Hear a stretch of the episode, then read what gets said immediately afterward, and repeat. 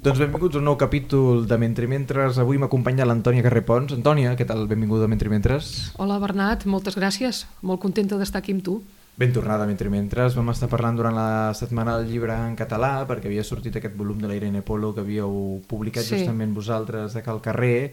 Han passat uns quants mesos i justament han arribat un, un, un això que diuen al castellà del sinfín, no? aquesta quantitat enorme, doncs han arribat una pluja de novetats a Cal Carrer i teníem ganes de parlar-ne amb tu perquè també Mhm. hi ha unes traduccions i avui en comparem, compar, eh, compartirem amb els, eh, com a mínim els espectadors aquestes dues traduccions que ha fet la Núria Sales que és la Jane Austen per una banda, aquest Saddington i després aquesta Willa Cather, aquests pioners o pioners jo m'agradaria començar per, per la Willa perquè justament eh, llegint-la eh, m'ha donat la sensació primer de l'atreviment de publicar un modernisme d'aquell més dens perquè veníeu de publicar el monòleg de la Molly Bloom de Sí, l'Ulisses sí. i gairebé aquest seria el- l'altre modernisme eh? el modernisme que ens ha arribat més que és Virginia Woolf l'Ulisses, l'experimentació i amb el llenguatge en Mm. aquest cas és el modernisme americà i has triat aquest text que d'alguna manera heu sintetitzat eh, i trobo que és en aquest sentit encertadíssim amb aquesta idea de la història d'un país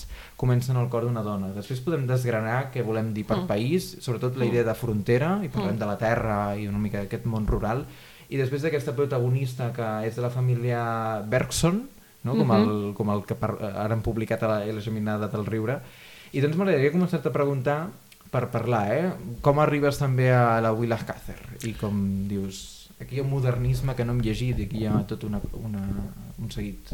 Uh, bé, la Willa Cather eh, precisament és una modernista, mm, diguéssim, poc moderna. o sigui, el, uh, estilísticament no s'assembla de res amb, amb, amb els que has esmentat tu, no? ni amb la Virginia Woolf, Mm. ni amb el James Joyce, perquè no, fa, no fa monòlegs interiors, no fa allò de l'stream of consciousness, eh, sinó que Clar. té una narrativa més tradicional, però això no vol dir que mm, no sigui una bona, una bona escriptora. Jo estic convençuda que ho és. Amèrica és una persona, mm, una escriptora molt valorada.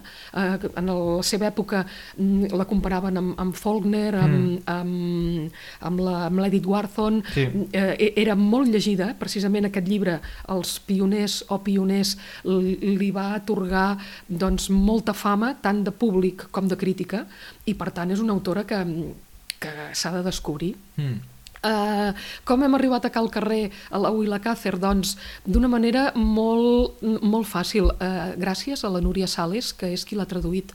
La Núria Sales um, a mi em va dir un dia doncs, que, que li agradava molt la Willa Cather i també la Jane Austen, i clar, ja la Jane Austen, evidentment, tothom la coneix, la, la Willa Cather he de confessar que no havia llegit res.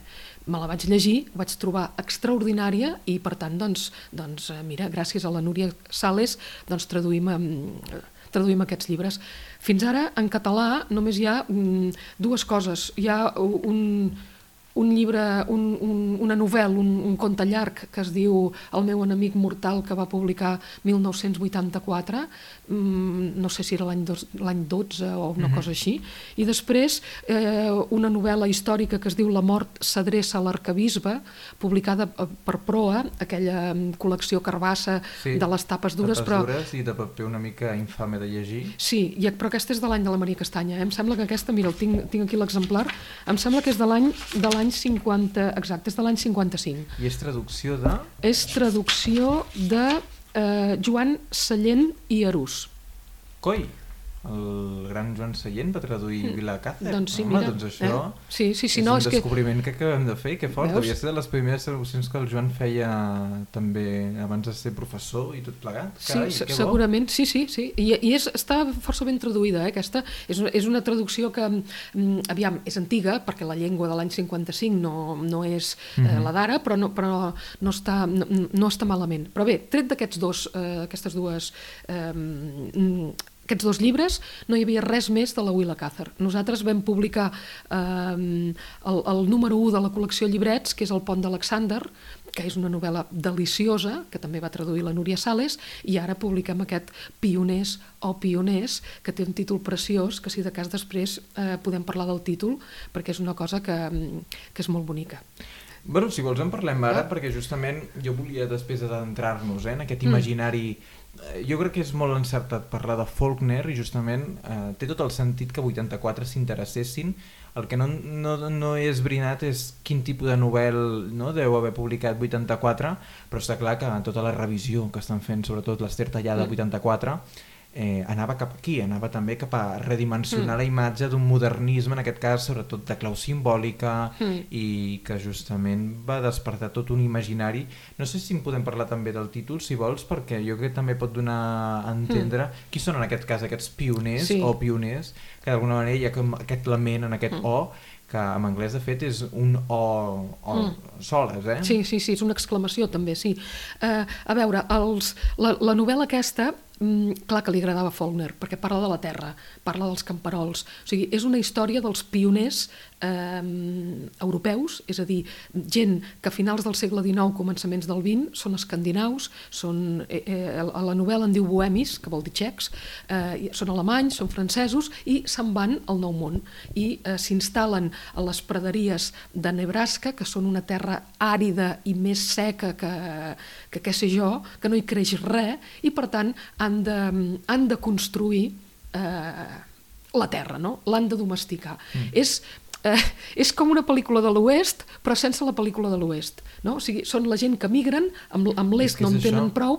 Clar, no hi ha trets aquí. Però eh, són emigrants, venen de família clar, emigrants sí, sí, sí, de, sí. de, de Suècia, Noruega, vull dir que Com no la Willa Cather. La Willa, són emigrants la Willa, la... de tradició de, de, de conreu, bàsicament. Exacte, exacte. La Willa Cather provenia d'una família galesa que es va instal·lar allà, per tant, eh, ella parla del que coneix. I precisament ja, ella diu, diu en un article que va escriure una cosa, una cosa molt bonica que, que diu aviam, la, la frase la tinc, la tinc per aquí i ara no la, no la trobaré, ah sí, aquí, que diu que quan, quan escrivia aquesta novel·la se sentia com si passegés per un país conegut amb un cavall que sap prou el camí. I clar, això és el que li van valorar, la crítica. La primera novel·la que ella va publicar va ser El pont d'Alexander, el 1912, i aquesta, el 1913, canvia d'escenari. El, 1900, la, el pont d'Alexander és un, un matrimoni de classe burgesa alta. Ell és enginyer, construeix ponts i això. Aquí no. Aquí són uns aixafaterrossos, o sigui, són la gent que tenen granges de porcs, que se'ls moren les collites, que planten blat, que han de lluitar contra l'aridesa del terra, contra l'aridesa dels costums i contra l'aridesa dels caràcters. I llavors, clar, aquí hi ha una noia, la protagonista, que es diu Alexandra Bergson, que, que, que, que, que s'erigeix en la mater famílies i que mm, és d'una personalitat um, molt atractiva. És, és, eh, o sigui, hi ha molta cosa en aquesta novel·la. Hi ha la reivindicació de la terra, hi ha l'esforç de la feina, hi ha una història d'amor, hi ha conflictes emocionals, hi ha enfrontaments patriarcals, perquè, clar, els germans de l'Alexandra la, no, no es prenen bé que ella dirigeixi, la, mm. eh, dirigeixi el negoci, no dirigeixi la granja, però és clar, és que ho dirigeix ella perquè és la més llesta, mm -hmm. és la mm-hmm. més llesta dels tres, no? Hi ha un fragment de la pàgina 53 que he volgut eh, escollir per llegir perquè justament també eh, no volia anar-me'n molt més endavant perquè justament aquí sí que pot ser que la dimensió de l'espoiler pugui aixafar la guitarra d'algú que tampoc ah. conegui fins a cert punt, no? Mm, la mm. dimensió, podem parlar, eh? que el, sí. el, el paper amorós d'alguna manera relliga el que entenem per mm. la novel·la, però ho deixem aquí. Hi ha un fragment que m'ha semblat extraordinari perquè diu aquell vespre, després de rentar els plats del sopar, l'Alexandra va seure al llit, al llindar de la cuina, mentre sa mare passava, pastava el pa. Era una nit d'estiu tranquil·la, plena d'olor dels camps de fenc. Pastures enllà se sentien les rialles i el so de capbussades i quan la lluna sorgí, ràpida de l'horitzó damunt del límit nu de la praderia, l'estany brilla com metall polit i l'Alexandra pogué veure el llampagar dels cossos blancs quan els nois corrien o saltaven a l'aigua. L'Alexandra observà, mig endormiscada l'estany brillant, però a la fi la mirada li tornà. El tros amb sorjo al sud del graner, on tenia el projecte de posar la nova cort dels porcs. O sigui, d'alguna manera, mm. primer aquesta dimensió constructiva sí. eh, del llenguatge mm. és aquesta mm. cosa mm. matisada i a la vegada que el símbol s'hi amaga sempre des de que el personatge mm -hmm. Eh, observa i com en aquest sentit, no? la presència d'aquest individu veient, observant, i com sempre l'Alexander observa i és el llindar, no només uh -huh. de, de, dels fets, també dels espais, hi ha aquesta qüestió no? de la descripció que hi havia de la lluna i com ella, veient tota el, la transformació natural, ja on ella diu doncs demà faré una construcció pels porcs, no? faré això ara pels porcs. No? Hi havia tots els elements blindats per, per fer aquesta relació mm. que deia d'alguna manera, que és absolutament folkneriana, mm -hmm. no en el sentit que dèiem també, eh, que es pot vincular argumental, mm sinó el sentit estilístic, gairebé diria. Sí, és que a més aquest fragment que has llegit és molt encertat perquè hi ha moltes coses aquí. Primer, mm. les dones eh, tenen... Eh, L'espai de les dones és la casa. Mm. La mare renta els plats i, i l'Alexandra està allà i s'ho mira. Els nois, eh, després de sopar, són a fora i es banyen. Per tant, no? l'espai exterior, sí. l'espai lúdic és pels nois. Mm -hmm. Això ja mm -hmm. marca una, una diferència de, de funcions. No? I a part d'això, mm, clar, hi ha aquesta, aquest toc de realitat que ella pensa en com, com modificar eh, les condicions de la granja i com fer que els porcs criïn millor i no es morin, no? i per això els vol construir una, una cort nova, i després hi ha això que, que, que tu has dit molt bé, el llenguatge, no? els símbols. Eh, eh, o sigui, és una, una llengua molt rica, i això, evidentment, que és mèrit de la traductora, de la Núria Sales, perquè eh, ha reflectit molt bé la llengua de la Willa Cather, però és mèrit sobretot de la Willa Cather. O sigui, aquesta novel·la és una novel·la dura en el sentit que la vida és dura i la terra que han de conquerir és dura, però és una novel·la molt poètica i hi ha unes imatges, o sigui, el personatge, la, la Terra, exacte, Faulkner, la Terra és un personatge més. I això és el que hem volgut reflectir al títol. Mm. Perquè el títol en anglès eh, és eh, la, la O exclamativa, no? i en anglès és Oh Pioneers. Sí, només eh? ja està. Oh Pioneers. Exacte. En castellà ho han traduït per pioneros. I en francès també li han posat pionier, pionier. Ja mm. està. Bé, llavors resulta que aquest Oh Pioneers és un vers del Walt Whitman. Sí. I és, eh, clar, aquesta novel·la es va publicar l'any 13 i el, el poema aquest del, del, del Walt Whitman es va publicar a les fulles d'herba mm, a, a finals del 19. Per tant, jo estic convençuda que la gent que, que llegia aquesta novel·la de la Willa Cather reconeixia el ressò poètic del vers de Walt Whitman. Uh mhm. -huh. I llavors, clar, que al carrer vam pensar com has de posar aquest to poètic en el títol?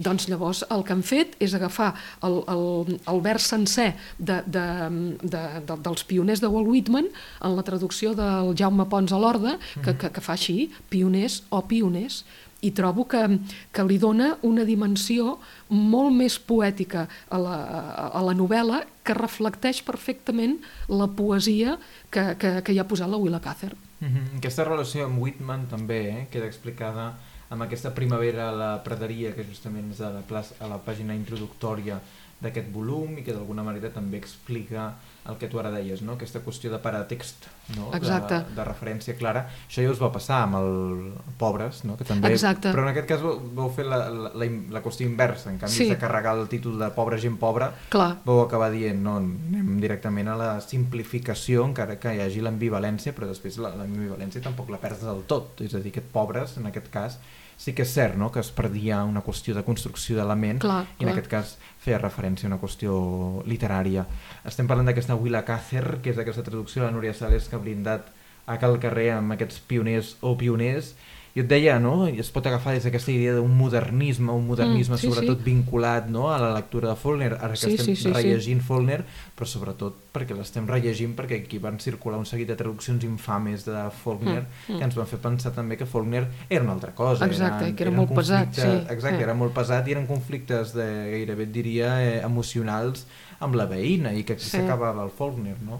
Déu-n'hi-do també Uh, ja ho ha subratllat la qüestió de la terra. No sé si també podríem comentar de la qüestió de la frontera, és a dir, fins a quin punt sí. hi ha unes fronteres molt marcades, tu ens ensenyalaves unes, però també unes qüestions territorials que després és, és el desencadenant del final del llibre. Sí, vaja, vaja. sí, sí. Eh, és que aquest llibre, de, de veritat, és que és molt interessant i, a més, és, és molt actual, perquè, perquè bé, el tema de la immigració és molt actual, mm. però a banda d'això, mm. aquí hi ha diverses comunitats, que ja ho he dit abans, no? i cada comunitat viu separada l'una de les altres, però es barregen. I llavors hi ha mm, aquesta, aquesta cosa de, de voler marcar les diferències, però al mateix temps de voler-te integrar. I aquest integrar passa per parlar un anglès mm, força correcte. Això s'ho plantegen mm. els personatges i ho diuen. I hi ha els suecs o els noruecs eh, més vells que aquests no parlen anglès i que es neguen a... Bé, es neguen, vull dir, eh, els costa molt d'acceptar els nous costums.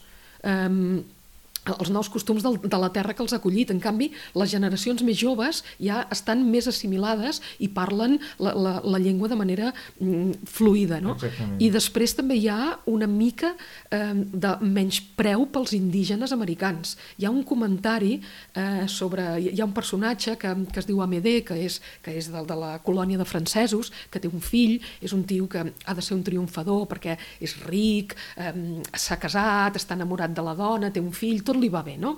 Després passen una sèrie de coses que demostren que tot no va tan bé la vida, però no farem un spoiler, i aquest té un fill i aquest fill és molt morè de, de pèl, de, de cabells i de, i de pell.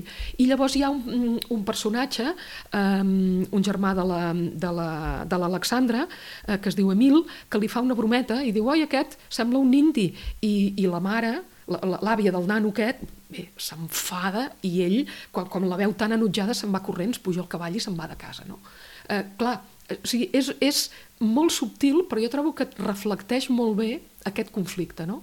Uh -huh. perquè clar, les terres de, de, de, clar, la frontera vol dir traspassar contínuament d'un cantó a l'altre i barrejar-te amb aquell que no és igual com tu però que vols, eh, que potser per ser iguals s'han de semblar a un tercer no? I, i jo trobo que és, és això, que el, el conflicte està molt ben tractat i molt ben resolt i, i, i en aquest sentit, és clar, vull dir, la història que t'explica és que podria estar passant perfectament a qualsevol indret. A qualsevol indret, sí. jo pensava en aquest comtat de Yorkshire, Napa, com és el del Faulkner, no? El ah. Yorkshire Napanapa, ah, no? Sí, un nom així, sí. que és aquest comtat inventat, no? Aquesta sí, dimensió sí, inventada, sí. Que a vegades també hi ha una qüestió de faula, gairebé mm. diria, no? De dir, això està passant aquí, però hi ha un punt d'universalització, o digue-li com vulguis, no? Que et porta també un territori Clar de l'imaginari i que des de l'imaginari et construeix també no? aquesta mm. lògica de frontera mm. i que d'alguna manera us animem també a, a consultar aquest pioners o pioners i que és una lectura que déu nhi també eh, on ens esteu portant a cal carrer. Jo crec que d'alguna manera la, el tombant entre el 19 i el 20 eh, a dia d'avui ens diu moltes més coses perquè sempre diem això, no? I, i els que hem estudiat humanitats, justament, aquesta cosa no es pot explicar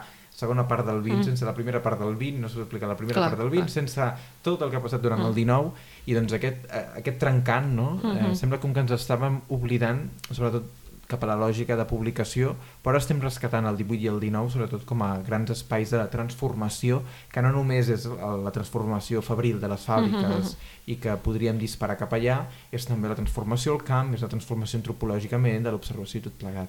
Per tant, ens estem... avui hem estat parlant d'aquesta Vila Carter, eh, Càrcer, perdó, i no vull marxar d'aquí sense parlar de dues novetats més que eh, tinc aquí al meu costat. Una és aquest Saddington, que gairebé la gent que ja té aquesta afiliació amb Jane Austen, sobretot per les sèries, deu haver consultat la sèrie, de, deixa'm dir que és una sèrie sobretot que, eh, continuada i autocompletada, sí, sí, després sí. és una sèrie amb grans components narratius mm. amb els quals s'està construint tota la imatgeria Jane Austen actual, mm. aquests, grans, aquests grans plans, aquestes mm -hmm. imatges, aquesta naturalesa i després tots aquests personatges perduts.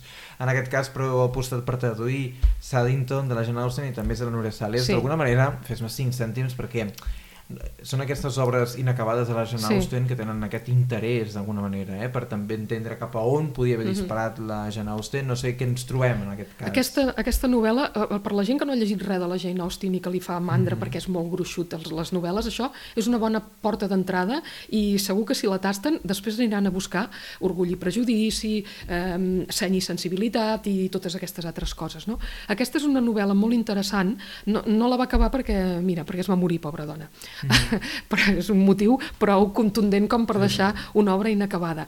Però mm, a banda d'allò tòpic de, i típic de la Jane Austen, que són doncs, la, la, la noia pobra, eh, la família rica i totes aquestes coses, hi ha un element molt important aquí i molt interessant i molt modern, que és que Sanditon és un poble de la costa. Mm -hmm. És, un, és un mm-hmm. poble, eh, hi ha un senyor que, que mm, el vol convertir en una zona turística i vol, vol construir-hi edificis i vol, i vol eh, bé, doncs mira, es, es vol fer ric, vaja, a, a, a costa del, del, del turisme. I jo trobo que eh, té molt de mèrit que a començaments del, del segle XIX, això ho va escriure l'any 1817, eh, hi hagi una crítica tan contundent contra l'especulació immobiliària derivada del turisme. Hi ha una frase, que la tinc aquí, que diu cada cinc anys se sent a parlar d'un o altre lloc nou, de mar, que es posa de moda. Em pregunto com poden omplir-ne la meitat. D'on surt tanta gent amb, amb diners i temps per anar-hi? Mala cosa per un país. Fa pujar el preu del menjar i que els pobres no se'n surtin. És clar que vostè, senyor, ja se'n deu haver adonat. Clar, això és el que ens trobem eh, actualment a Barcelona, a la Costa Brava, tot arreu. És que, clar, el turisme eh, eh, destrueix la població autòctona, destrueix els, els, els comerços de, de proximitat, destrueix les ciutats. I, i, i, i bé, això ja passava a eh, començaments del, del 19. Per tant, és un llibre d'una modernitat aclaparadora. Mm -hmm. Jane Austen, no? D'alguna manera és aquest gran personatge, sobretot per aquestes grans dames, i sobretot perquè, d'alguna manera, si, si vens de la tradició anglesa i vens mm. de la tradició shakespeariana, gairebé és... No fins a cert punt no és la volta al mitjó shakespearià, però sí mm. que és una contestació força gran, no? Igual que també una Emily Bronte, no? I mm -hmm. tot plegat. Vull dir, d'alguna manera hi ha alguna cosa no? d'aquesta relectura que n'estem fent també, no? De, de tot el que entenem per al victorianisme, que Clar. sobretot és intentar-lo carregar d'ideologia i, i, i si el llegim sobretot amb tota la complexitat que vol dir Anglaterra, Eh, ara justament no, hem disparat cap a la qüestió que tampoc em sembla anecdòtica, eh, mm. eh, que és de la qüestió de la, de la possessió, de la qüestió del capital, de sí, la qüestió, sí, sí. en el fons, de l'especulació, mm -hmm. que és, eh, és d'alguna manera cap a on mm. dispara, però en el fons que ve, doncs, com dèiem abans també amb la cita que hi havia amb la Vila Càcer, eh, de la dona cap a la dimensió de país, uh -huh. és a dir, cap a la dimensió d'estat o cap a la dimensió, en aquest cas, d'Anglaterra. No? no sé si també teniu interès també en continuar publicant Jane Austen o si hi ha aquestes eh, novel·les mm. inacabades que també són curtetes. Sí, sí, publicarem els Watson, que és una altra novel·la inacabada, i alguna altra coseta, però, però cosetes breus, eh? Mm -hmm. perquè les, les, la, bé, o sigui, les grans novel·les de la Jane Austen ja les publiquen la gent de, de Viena i ho fan, i ho fan molt bé. No? Um, el que passa que la Jane Austen, de veritat, és que jo la trobo una escriptora extraordinària, és que és tan irònica, tan divertida, tan, tan sorneguera, tan subtil, mm -hmm. tan mhm. intel·ligent, que, que clar, és que és igual que et parli de, de, de, de tassetes, que sembla, no? Sembla que només vagin de festa en festa, i no és així. Hi ha crítica social, hi ha crítica eh, al, el patriarcat, els costums, eh, a, a, a la situació que viuen la, la gent que no té recursos econòmics. Jo trobo, i a més, és que és una gran escriptora. Deixem que et pregunti perquè estem parlant avui amb l'Antònia Carrer Pons i ja portem gairebé, hem, sobrepassat l'equador de l'entrevista perquè jo et volia preguntar una mica també per que és la, la qüestió de, de la, dèiem, eh, la, el tancament no? o la, la frontera entre el 18 i el 19 bueno, jo deia abans el 19 i el 18 ara justament aquí 1797 és l'altra novetat que ja veig que aquí que és el segell de la traductora Esther Tallada és Maria o El món contra les dones de la Marie Wollstonecraft mm -hmm. deixa'm que ens diguis res eh?